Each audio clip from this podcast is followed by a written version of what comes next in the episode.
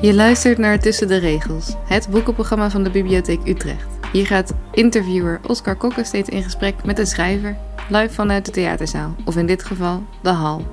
Graag met jullie, maar voor nu alleen in audio. Ik heb wel degelijk uh, een enige filter toegepast van hoe expliciet ik alles op ga schrijven in het boek. Als we het even over de seks, drugs en rock'n'roll mm. hebben, zeg maar. Maar ik heb het er wel degelijk allemaal in willen stoppen. En zo letterlijk mogelijk geprobeerd op te schrijven om mensen zoals mijn vader en heel veel, met name mannen van zijn leeftijd uit dat land en die landen, te, een spiegel voor te houden van nee, jij hebt misschien een soort van sprookje in je hoofd van Pakistan als dat land wat ik net beschreef. Maar dit, dit, is het Pakistan van de 21ste eeuw. Alles wat hier in Nederland in het verrotte Westen gebeurt, gebeurt daar ook. Op 5 juni ging Oscar in gesprek met Haroun Ali, journalist en schrijver van het boek Half. Haroun Ali, welkom. Fijn dat je hier bij me bent. Uh, schrijver van het boek Half. We gaan het daarover hebben in de grote hal van de bibliotheek hier in Utrecht. Uh, het zou zomaar kunnen dat er van alles nog wat binnenstormt aan, uh, aan kinderen of aan mensen die. Veel echo, echo. Ook dat gaan we krijgen. Maar het is een hele mooie plek. Wij, uh, wij gaan het hier hebben over half. Uh, een reisverhaal is het. Antropologisch onderzoek, een zelfonderzoek. Het is een biecht. Het is een poging dichter bij je vader te komen, dichter bij jezelf te komen, meer uit te diepen uh, waar je wortels liggen. is er een, omschrijving die ik nu nog vergeet? Uh, nou, het is vooral een brief aan mijn broertje. Als je het zo opzomt, klinkt het alsof het soort van alles is en tegelijkertijd niks. Maar het is heel erg gericht aan mijn broertje. Een brief die ik aan hem schrijf. Mijn halfbroertje. Uh, um, het kind van mijn vader en zijn tweede Pakistaanse vrouw. En het is heel erg een poging eigenlijk om hem um, heel veel mee te geven over wie ik ben, waar we vandaan komen. De plek van ons als Pakistaans-Nederlands gezin in Nederland. En hem ook een beetje misschien nou ja, wat meer zelfvertrouwen over zijn afkomst meer te mee te geven. En ook misschien ja, via zo'n soort van boek of tijdscapsule hem een beetje te behoeden voor heel veel van de onzekerheden en frustraties die ik denk ik heb gevoeld. Uh, als tiener, opgroeiende met nou ja, zo'n moeilijke vader, wat ons bindt als, als broertjes. Um, dus dat is voor mij uiteindelijk uh, de rode draad in dit boek. Ja, want als ik die opsomming doe en jij dan gelijk zegt, oh, dan klinkt het als een hele hoop en tegelijkertijd niks. Nou, dat klinkt alsof het een beetje focus mist, maar die is er wel degelijk. Maar er zit wel heel veel, er zitten heel veel verschillende ja, vormen in, denk ik, en elementen. Ja, het, is een boek dat je op heel veel manieren kan lezen. Inderdaad, die, die rode draad is, is glashelder. De brief aan je halfbroer. Ja de zoon uit het nieuwe gezin van je vader. Ja. Die gescheiden is van je moeder toen jij een, uh, een jonge jongen was. En uh, die, die, die veelvormigheid, die, uh, er komt een hele hoop uit jezelf. Mm -hmm. Nadenkwerk, zelfonderzoek, al dat soort dingen. Je bent ook op pad gegaan, je bent daadwerkelijk Pakistan ingegaan. Um, een, een, plek waar je sinds je kindertijd eigenlijk niet meer geweest was. Uh, hoe lang was het geleden dat je daar voor het laatst was? Ja, ik ben nu uh, ja, ben je halverwege de dertig. Ik was er sinds mijn zestiende niet meer geweest. Dus mijn vader is Pakistaans, mijn moeder is Nederlands. Maar ik ben in Nederland geboren en opgegroeid. En mijn vader woont ook al sinds uh, dat hij begin twintig is in Nederland. Dus we waren heel erg een gezin in Nederland. Maar ik ben er drie keer op een soort van lange familievakantie geweest. Uh, dus dan ga je ook gelijk voor zes weken, weet je wel, het mm. meeste eruit halen. Dus tussen mijn vier en zestiende ben ik er drie keer geweest. Maar dat zijn een beetje de herinneringen die ik had. Uh, kinderlijk dus beeld eigenlijk. Ook. Heel kinderlijk beeld en uh, ja, ook het totaal niet waarheidsgetrouw beeld van wat Pakistan nou eigenlijk is. En ook een heel erg gefilterd beeld, want ik zag het Pakistan wat mijn ja, familie meemaakte. En je zat vooral heel erg bij elkaar thuis op de bank de hele dag te vreten, zeg maar. Heel lekker eten. Dat maar is wat men doet op vakanties. Hangen, eten, maaltijd na maaltijd. Van warme maaltijd naar warme maaltijd naar warme maaltijd. En ja, het hele... En je vader was de reisleider natuurlijk. Ja, precies. Maar het hele westerse idee van je gaat op reis en je gaat zoveel mogelijk verkennen, dat is vaak uh, daar niet aan de orde. Je bent vooral met zoveel mogelijk mensen thuis aan het chillen mm. um, en uh, roddelen over mensen die er dan niet bij zijn. Dus, dus ik wist eigenlijk helemaal niks van Pakistan. Dus dat was ook. Um, het idee eigenlijk ontstond van, nou ja, ik, ik, ik, vooral als journalist, ik ben journalist en de afgelopen jaren heb ik veel reisverhalen gemaakt. Dus ik kwam op de meest ja, bijzondere uithoeken van de wereld en probeerde er altijd zo snel mogelijk mezelf onder te dompelen in de lokale culturen gebruiken. Participerende journalistiek. Ja, participerende journalistiek. Dat is wat ik leuk vind om te doen en waar ik denk ik inmiddels uh, redelijk uh, goed in ben geworden. Dus ik dacht, oh, laat ik, weet je, en ik weet eigenlijk helemaal niks van dat Pakistan. Laat ik een keer teruggaan met die blik. Weet je wel, de blik ja. van iemand die wel binding heeft met dat land, maar er eigenlijk niks van weet. Dus eigenlijk heel erg buiten staat. Hè, de verwesterde journalist. Uh, volwassen man inmiddels, ook nog eens homo, van zijn geloof afgestapt. dus eigenlijk ja, allerlei uh, brillen waardoor je kijkt. En laat, laat ik met, met, met dat perspectief is dat land gaan onderzoeken. Om te kijken van, nou ja, kan ik er überhaupt raakvlakken mee vinden? Maar kan ik ook via die reis, en ik ben er uiteindelijk twee maanden van Noord, noord naar Zuid gaan reizen. Uh, door mijn familie te ontmoeten, maar ook weer allemaal nieuwe mensen te ontmoeten. Van kan ik inderdaad mijn afkomst beter begrijpen, mijn vader beter begrijpen, alles wat meer in perspectief plaatsen. En ook ja, wat meer antwoord geven op de vraag van wie ben ik nou eigenlijk als iemand die tussen twee culturen ja. opgroeit. En kan ik daar ook misschien iets groters mee zeggen, wat misschien voor heel veel kinderen van migranten in het Westen speelt. Van wat moet ik met die afkomst, weet je wel? Um, wordt die afkomst mij op, wordt, wordt, wordt mijn cultuur en mijn religie en mijn identiteit mij opgelegd? Of kan ik daar zelf ook een beetje de regie over hebben? Helder startpunt voor zo'n verhaal. Uh, maar nu moet ik meteen denken, in je, uh, in je nawoord, je verantwoording, schrijf je al, uh, toen ik in 2018 begon met schrijven, ja. heb ik dit project onderschat. Ja, zeker. Waar, waar zat de onderschatting in? Nou, um, ik was denk ik toch wel heel erg bang om het over mijn familie te gaan hebben. Ik was misschien een beetje. Ik heb nog nooit een boek geschreven en ik ben een journalist die gewend is gewoon stukken te schrijven van 2000 woorden.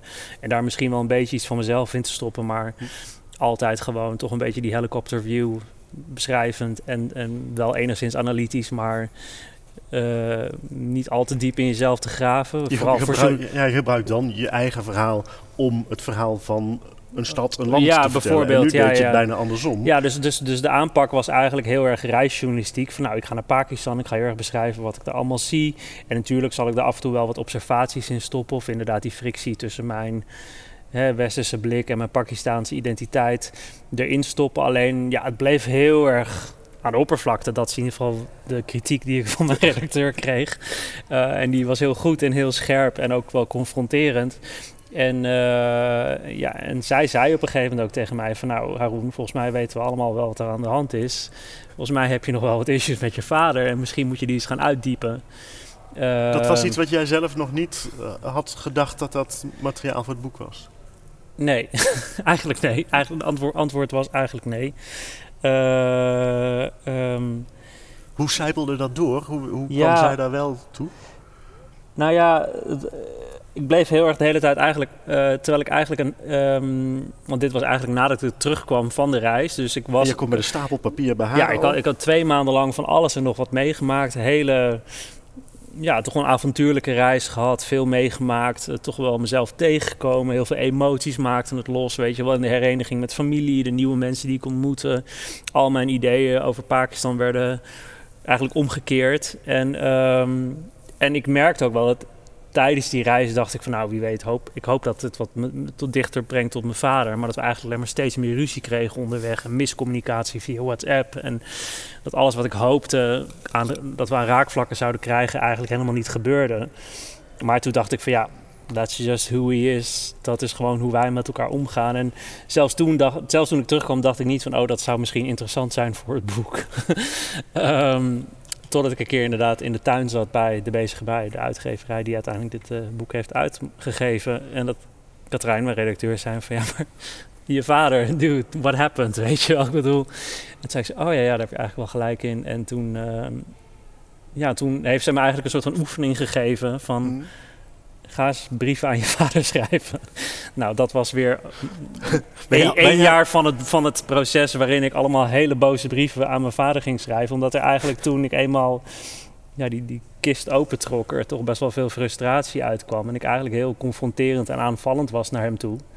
En hem van heel veel ja, verweet eigenlijk van alles nou ja, hoe die toch ons een beetje een soort van redelijk fucked up opvoeding heeft meegegeven. En ons zo in de war heeft gebracht over heel veel dingen. Mij en mijn zus, daar heb ik het dan over. Um, nou ja, en eigenlijk daarna werd het dus een beetje een zoektocht van hoe kan ik inderdaad dat beeldende van. Want ik wil ook gewoon de lezer in Nederland meegeven van hoe ziet Pakistan eruit in de 21ste eeuw. Omdat het een, een land is waar niemand hier wat vanaf weet. We zien alleen maar de bomaanslagen en het terrorisme op het nieuws en de eerwraak en de vrouwenvriendelijkheid. En dat is allemaal waar. Uh, maar uh, dat wilde ik dus heel erg schetsen. En ik wilde inderdaad aan de gang met mijn vader. En ik moest vervolgens een kapstok vinden hoe ik dat allemaal bij elkaar kon brengen. En dat was eigenlijk de laatste stap van hoe kan ik nou... Uh, aan wie wil ik dit nou eigenlijk het liefst vertellen? En, en toen kwam je halfbroer. Ja, ja, en dat was de laatste soort van crisis in, in het schrijven van dit boek. Dat ik dat, dat, ja, inderdaad een beetje focus miste. Ja. En toen lag ik inderdaad een keer s'nachts op de bank... Uh, na weer een heel moeilijk gesprek met mijn redacteur. Die zei van ja, Arun, uh, het gaat nu echt alle kanten uit. Voor wie doe je dit nou allemaal? Dat zei ze tegen mij. En uh, ja, toen ik weer wakker op de bank lag, toen dacht ik, oh ja, maar ik wil dit allemaal aan um, mijn halfbroertje vertellen. Want die, groeit, die is nu 13. Die groeit op, ook in dit land. Maar dan met twee Pakistaanse ouders. En ik ben benieuwd wat hij hier allemaal van zou vinden.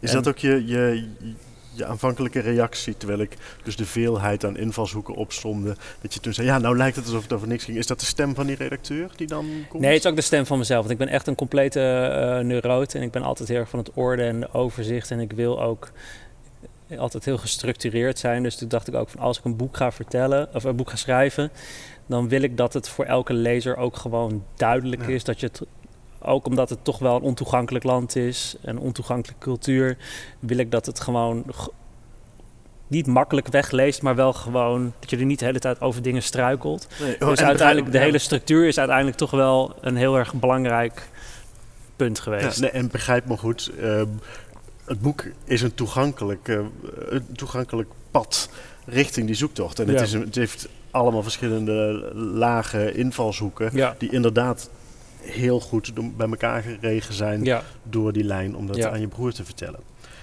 Ik voel me nog af, als die, je, je zegt ook dat in je, in je nawoord, dankwoord is het dan inmiddels geworden. Uh, zeg je tegen Katrijn, de re redacteur, dat ze ja, tot het uiterste heeft gepusht om echt het, het, het onderste uit je te krijgen. Uh, nou ja, het, het is. Uh, um ik bedoel, uh, uiteindelijk heb ik het allemaal zelf gedaan. Maar ze heeft me wel gewoon op de juiste momenten gewoon gepusht om ja, toch dieper te gaan. Dieper dan ik zelf in eerste instantie uh, wilde. En ook dacht dat ik zou kunnen. En, en dat is toch een beetje het.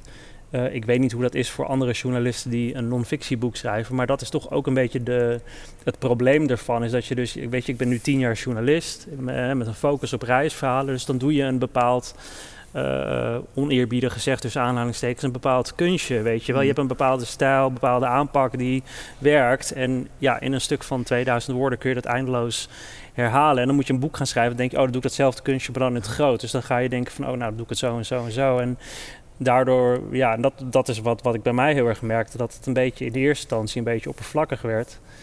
Uh, of niet oppervlakkig, maar gewoon heel beschrijvend. En dat ik, ja, wilde ik er een goed boek van maken, moest ik veel dieper, mm. dieper, dieper graven. En daar heeft zij me heel erg in ge en, maar, gestimuleerd. Als je, als je, dan zegt dieper dan ik aanvankelijk zelf wilde, um, was dat omdat dat je vorm niet was? Of was dat omdat je dacht, ik weet niet of ik dit wil prijsgeven? En of was het uh, dat je dacht, ik weet niet of ik dat bij mezelf aan wil? Nee, ja, ik moest gewoon heel eerlijk gaan zijn over. Ik, ik heb, ja, ik, ik, ik toen ik hier begon, dacht ik: oké, ja, ik wil wel een boek over mijn familie schrijven, maar dat wil ik één keer doen en dat wil ik goed doen. En ik wil niet een schrijver zijn die volgens nog vier boeken over zijn familie gaat schrijven. Dus ik wilde dit één keer doen en goed doen, maar ook met respect, met compassie. En ja, hoe je het went of verkeerd, ik kom uit een hele ongelooflijke, ja, verwarrende familie waarin heel veel shit is gebeurd.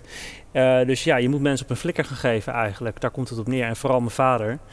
Uh, en dat vond ik eng in het begin. En dacht van ja, durf ik dat wel aan? En hoe doe ik dat op een manier, net zoals die eerste brieven die ik schreef, hoe doe ik dat op een manier die niet alleen maar aanvallend en afzeikerig is? Want ik ben hem ook dankbaar voor heel veel. Maar ik denk wel dat heel veel van de dingen die tussen mij en mijn vader speelden, spelen tussen heel veel mensen en hun uh, ouders uit uh, ja, uh, migrantenouders, zeg maar. De, de, miscommunicatie en de frictie en de verschillende visies over hoe je je leven zou moeten leiden. Dus dat vond ik eng. Ja, want ik dacht van ja, ik moet eerlijk zijn. En aangezien ik wist van nou, dit ga ik maar één keer doen. moet ik het wel goed doen. Dus dan moet het ook wel enigszins gebalanceerd zijn. En ja, dat is gewoon een hele lange zoektocht geweest. Dus uiteindelijk ben ik er 2,5 jaar mee bezig geweest. En ik denk nu dat hoe het nu is, dat dat in balans is. Dus dat ik heus wel alle pijnpunten uit en de Pakistaanse cultuur en de islamitische religie weergeef. Maar wel ook met ja, begrip ook voor de reis die mijn vader naar het westen heeft afgelegd. En de ja, onmacht over ja, uh, een gezin stichten in het westen. Als je er volgens achter komt dat je vrouw niet doet wat je wil. En je dochter niet doet wat je wil. En je zoon niet doet wat je wil. En alles uit elkaar valt. En iedereen ruzie met elkaar heeft. Ja, wat dan? Tragisch eigenlijk. Ja, je zou er ja, voor, veel voor... compassie mee kunnen hebben. Nou ja, dat heb, voor mijn vader heb ik dat nu zeker. Ik ben, ik ben natuurlijk uh, best wel vaak gefrustreerd geweest over het feit dat hij zo teruggreep naar een ouderwetse kijk op de islam. Dus dat ik eigenlijk van mijn geloof heb moeten afstappen omdat ik het idee had dat ik niet en homo en moslim kon zijn. Terwijl er nu zoveel LHBTI-moslims zijn die zeggen: Weet je, ik, ik, ik ben en queer en ik ben moslim en ik kan dat met elkaar verenigen. Ik wou dat ik dat kon op mijn 21ste, 15 jaar geleden. Maar ik heb het idee, ja, hij, voor mijn gevoel moest ik door hem moesten kiezen. Of ik ging openlijk gay zijn in het vrije Westen met alles wat daarbij komt kijken. Of ik bleef in de kast, of ik stopte mijn geaardheid weg en bleef de vrome moslim waar mijn vader tevreden over kon zijn. En um, ik had graag gewild dat ik dat allebei had kunnen houden. Alleen toen had ik heel erg het gevoel dat ik daar moest kiezen. En daar heb ik hem toen heel veel ja, kwalijk in genomen. Om dit alles beter te begrijpen, zijn achtergrond en ook een deel van jouw eigen helft. Een deel van je afkomst dat je helemaal niet zo heel goed blijkt te kennen. Om dat te onderzoeken ben je dus naar Pakistan gegaan. Mhm. Wat, wat, wat trof je daaraan? Of wat, nou, wat, nee, eerst, wat, wat verwachtte je aan te treffen?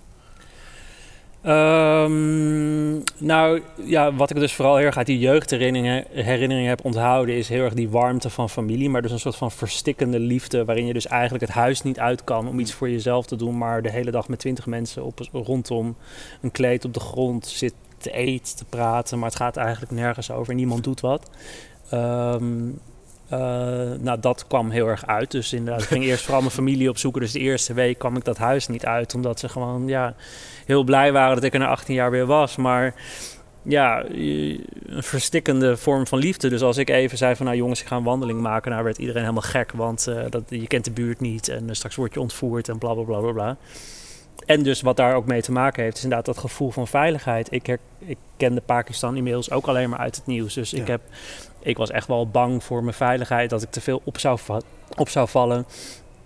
Uh, ja, niet alleen over straat kon, niet kon lopen, overal een auto naartoe zou moeten nemen. En dat bleek, bleek, in de praktijk allemaal best wel mee te vallen. Je voor de eh, zekerheid wel een korte cursus.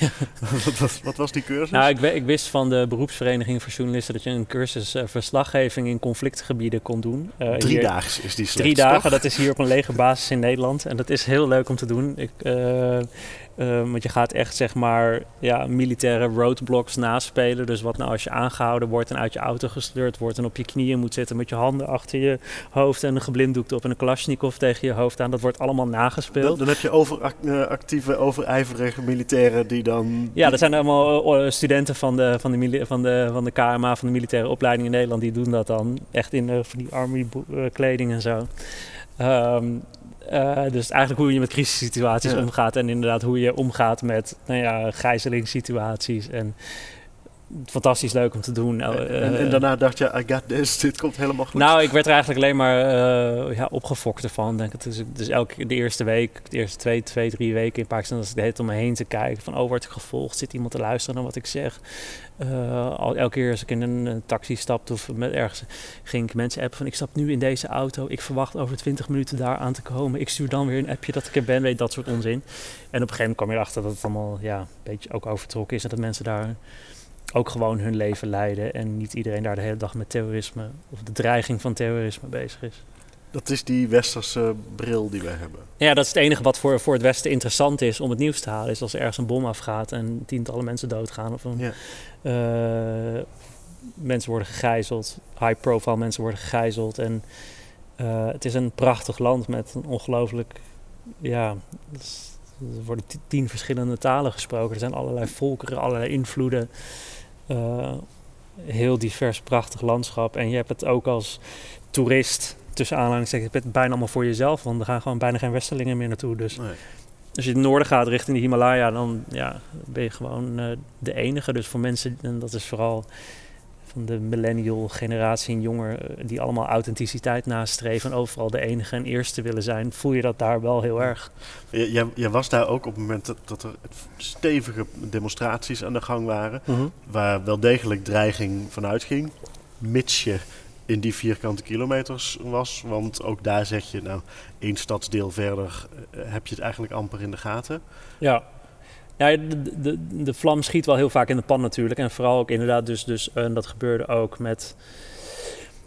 Er zijn ook tijd heel veel demonstraties geweest tegen alles wat er natuurlijk in Frankrijk gebeurde. En ook alles wat eigenlijk, eigenlijk raakt aan een soort van het Westen versus de islam. Dan gaan ze daar snel de straat op. Ze zijn daar dus ook tegen Geert Wilders de straat op gegaan. Zijn foto verbranden, de Nederlandse vlag verbranden. Maar ehm, dat is een kleine groep. En ook de, de Pakistanen die ik daar kende, die lachen ook dit soort extremisten uit. Die kijken Ja. daar ook het lokale journaal en die denken, wel, het is een beetje over hoe we hier naar viruswappies soms kijken. Dat we denken van ja, dat zijn ook Nederlanders, maar dat is maar een heel klein groepje Ja, en Nederlanders die heel veel zeggenschap hebben op het nieuws en op sociale media domineren, maar waar we ons op geen enkele manier mee identificeren. En, en eigenlijk is de Eh, analogie, een, een verland zou alleen maar deze dingen van Nederland zien.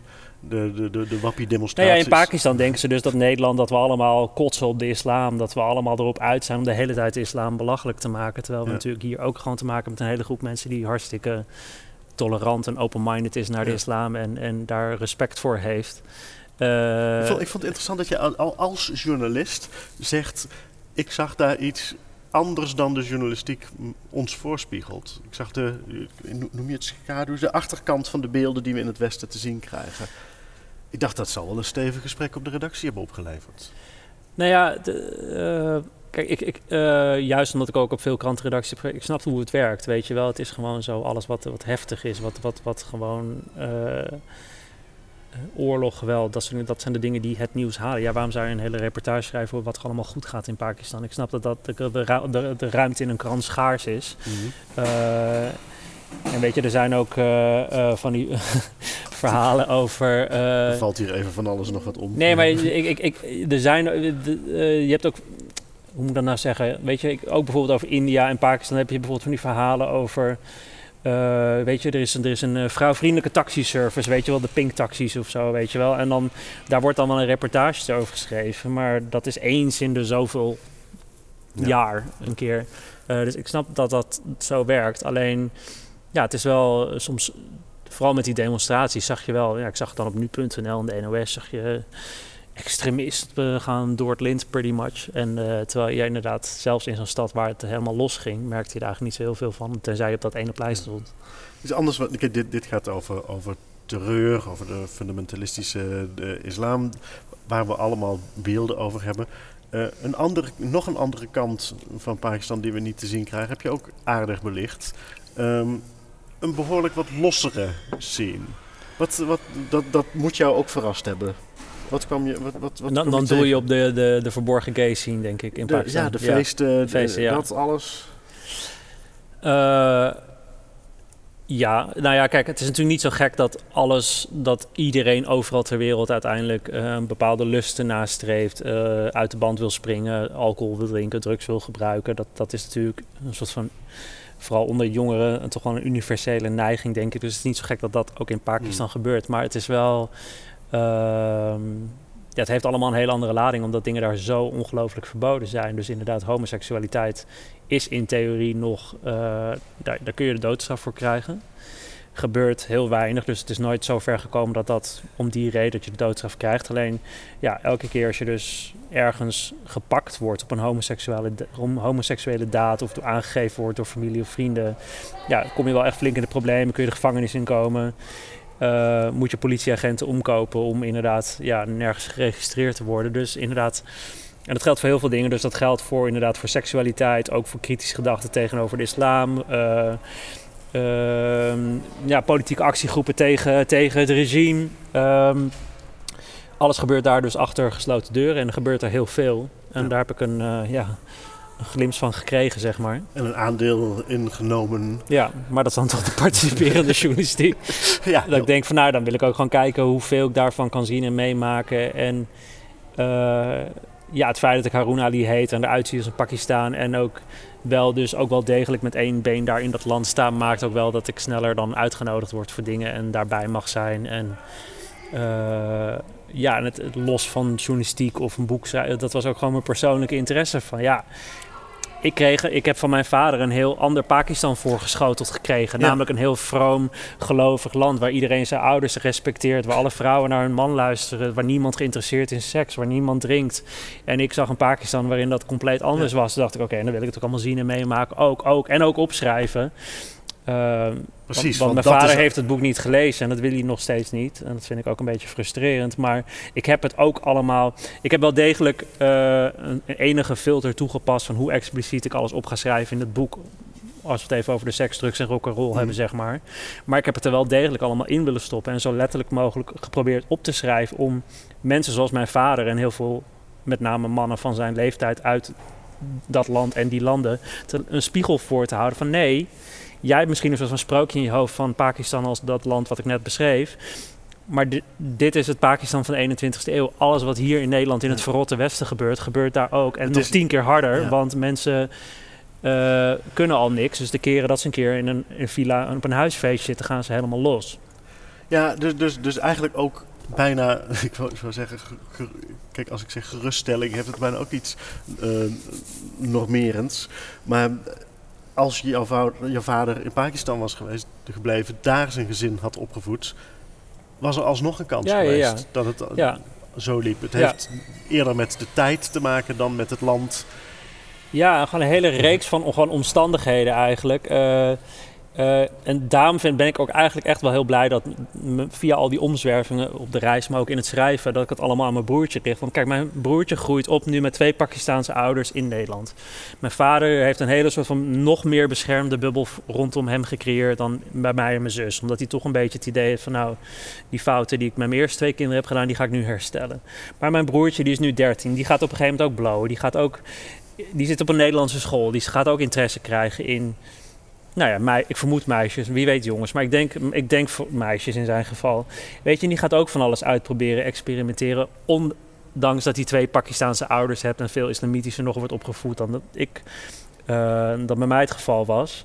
Dus ook voor hem ben ik heel. Ik ben echt blij dat ik het boek heb geschreven op de manier zoals het nu is. Dat alles er ook in staat. Dat ik inderdaad. Ik beschrijf in het boek dat ik met allemaal met jongens aan het flirten ben. Dat dat leidt tot, nou ja. eh, spannende avonden, eh, het drank- en drugsgebruik op feestjes, de, de kritische gedachten van atheïsten, eh, hoe, hoe, hoe de moderne vrouw in Pakistan daar keihard eh, voor zichzelf aan het vechten is, ongelooflijk grote stappen maakt, dat, dat vrouwen in Pakistan honderd keer interessanter zijn dan al die mannen daar.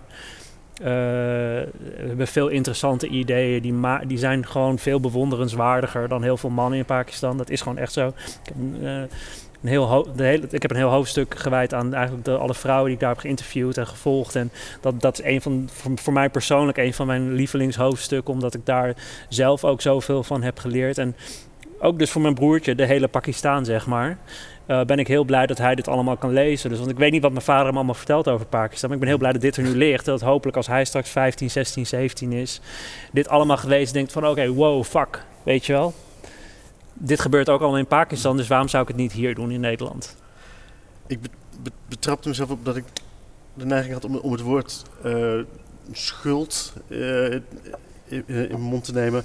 Ehm, het is niet de schuld van een land, het is niet de schuld van de vader, het is niet de schuld van dit en dat. Ehm, maar dat suggereert een heel erg maakbaarheidsidee. Wat verzuimt ernaar te kijken dat een mens nu eenmaal is wie die is. Ja. En je kan als ouder op je kop gaan staan. Je kan als land op je kop gaan staan. Als regime of wat dan ook. Maar mensen zijn nu eenmaal wie ze zijn. Ja. En daar is dit boek natuurlijk ook bij uitstek een, een, een, een pleidooi voor om het op die manier te zien. En des te schrijnender is het wanneer jij een paar dingen benoemt. de Dingen die je vader zegt. ehm, die gaan over... eh, je bent maar half van mij. Dat, dat, dat gevoel. Wanneer het is schrijnend als jij zegt, eh, misschien heb ik het hem wel moeilijk gemaakt. Mhm. Alsof jij zoveel invloed hebt en zoveel verantwoordelijkheid hebt als mens. Mhm. Ehm, het, is, het is pijnlijk schijnend om te zien dat er, dat er zo vaak niet naar de mens echt wordt gekeken, maar naar een, een bedoeling die iemand met hem had. En dat zijpelt de hele tijd door dat boek heen. Een, een, een onvo- de, de liefde die niet bepaald onvoorwaardelijk is. Je citeert een appje wat echt als een dolk in mijn hart kwam. eh, wanneer hij zegt: eh, Mijn steun heb je altijd als je iets goed doet. Ja, ja. Groetjes, papa. Ja. ja, kijk, wa- waar het hier heel erg over gaat, is toch een beetje dat. ehm, een beetje het collectivistische wat je heel erg ziet in eigenlijk. eh, ik hou nooit van een beetje het westers, niet-westerse, maar laten we even zeggen de niet-westerse culturen, waarin toch het, eh, het collectivisme van inderdaad, je volgt eigenlijk het pad wat je ouders voor je uitstippelen en je respecteert je ouders in de beslissingen die zij voor je maken. Versus het heel erg het individualistische in, eh, in het Westen. En weet je wel, die clash eigenlijk is heel erg wat in ons gezin speelde tussen mij en mijn vader. Dat hij een bepaald idee in zijn hoofd heeft van nou, dit is hoe mijn zoon zich gaat gedragen, dit is hoe mijn dochter zich gaat gedragen. En dat wij allebei er op eh, gruwelijke wijze de mist in zijn gegaan. Want ik ben inderdaad homo en mijn zusje was op de 19e ongetrouwd zwanger, weet je wel. Eh, van een zwarte man. Dat was ook nog eens een, dan heb je, dat is ook nog een heel apart ding, racisme in de Zuid-Aziatische culturen. Maar goed, anyway. ehm, dus, ehm, maar dat, dat is natuurlijk. Sinds het boek uit is, ik dacht namelijk van nou. eh, dit boek gaat gelezen worden door vooral mensen met inderdaad een migratieachtergrond in Nederland. Maar ik, heb zoveel verschillende. Het, het is door meer mensen gelezen dan ik ooit had verwacht. Maar ook door veel meer verschillende mensen dan ik ooit had verwacht. Dus ook mensen die zich bijvoorbeeld uit een heel streng christelijk milieu hebben moeten ontworstelen. Weet je wel, gereformeerde gezinnen en homoseksualiteit. Of sowieso mannen en hun vader die gewoon niet met hun vader kunnen praten over wezenlijke dingen. Die gewoon nooit eens een keer hebben gehoord van hé, hey, ik, ben, ik hou van je, ik ben, ik ben trots op je. En dan vooral mannen van mijn leeftijd met vaders van, van zijn leeftijd. Eh, en, en het, dus, dus, dus het is uiteindelijk niet een soort van westers, niet-westers, individualistisch, collectivistisch ding. Maar gewoon eh, ouders hebben gewoon een. En je ziet het ook hier in Nederland, weet je wel. Juist nu die eh, hele hippe millennial ouders, weet je wel. Die pushen hun kinderen om naar het gymnasium te gaan. En die moeten dit en die moeten dat. En weet je wel. En die kinderen worden dan ook helemaal knettergek van, van al die verwachtingen van hun ouders. Van om het perfect te doen. Dat is ook weer.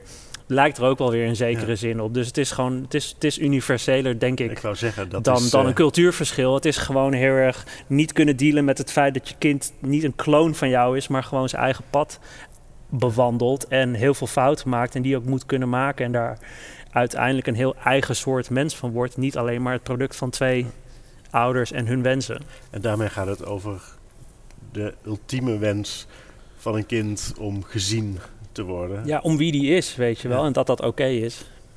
En dat een deel van je identiteit kan dan alsnog pleasend zijn, Ja. kan zoekend zijn, Ja. kan onzeker zijn. Als eh, het kind maar geaccepteerd wordt. Niet alleen, zoals in het appje staat, als je iets goed doet.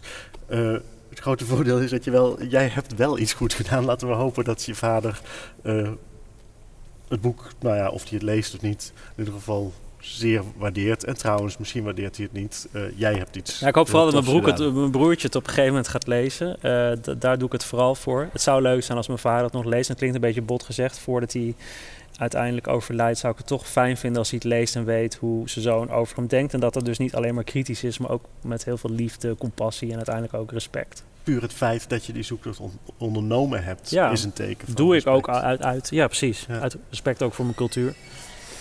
Heeft het je zelf gebracht wat je hoopte? Eh, ja, ja, zeker. Ja, het is wel. eh, eh, ja, je, je werkt wel door een hele hoop shit heen, 2,5 jaar lang. Door inderdaad ook steeds, steeds weer een laagje dieper te gaan. Dus het heeft mij wel veel rust gegeven op heel veel vlakken.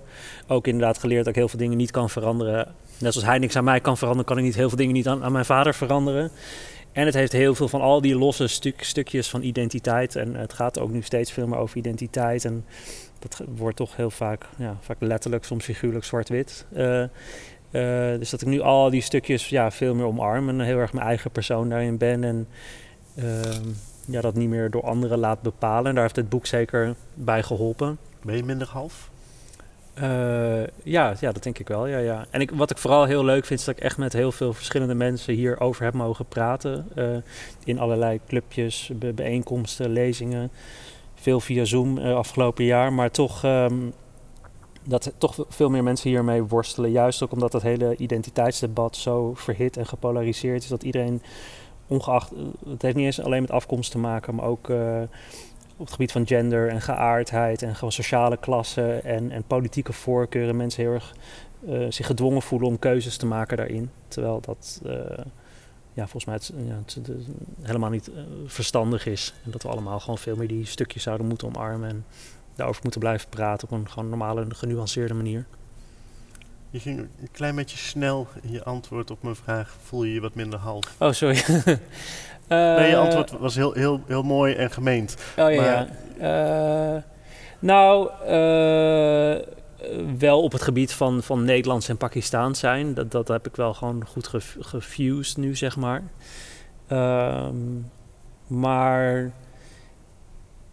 ja, je, uh, opgroeien in zo'n gezin of met zulke clashende cultuur en zoveel botsingen in een familie maakt je wel altijd nog steeds heel zelfbewust in heel veel situaties. Dus, en dat zal denk ik nooit heel snel veranderen bij mij. Dus ik ben altijd wel heel erg bezig met wat vinden mensen om me heen van mij. Vinden mensen me wel aardig? Uh, zeg ik wel iets leuks of iets grappigs? Altijd een beetje een soort van een helikopterview boven jezelf. En dat probeer ik af te leren. Um, maar dat lukt soms beter dan andere momenten. Dankjewel voor dit gesprek. Graag gedaan. En uh, dankjewel voor het boek getiteld Half. En uh, ja, je wilde het maar één keer doen, een boek als dit. Ik mm -hmm. kijk erg uit naar uh, de rest van het oeuvre wat nog gaat verschijnen. Wordt iets heel anders. Dankjewel voor nu. Graag gedaan. Ali. Je luisterde naar Tussen de Regels, live vanuit de Bibliotheek Utrecht. Op 5 juni sprak Oscar Kokke ook Lise Spit. Luister dit gesprek ook vooral terug.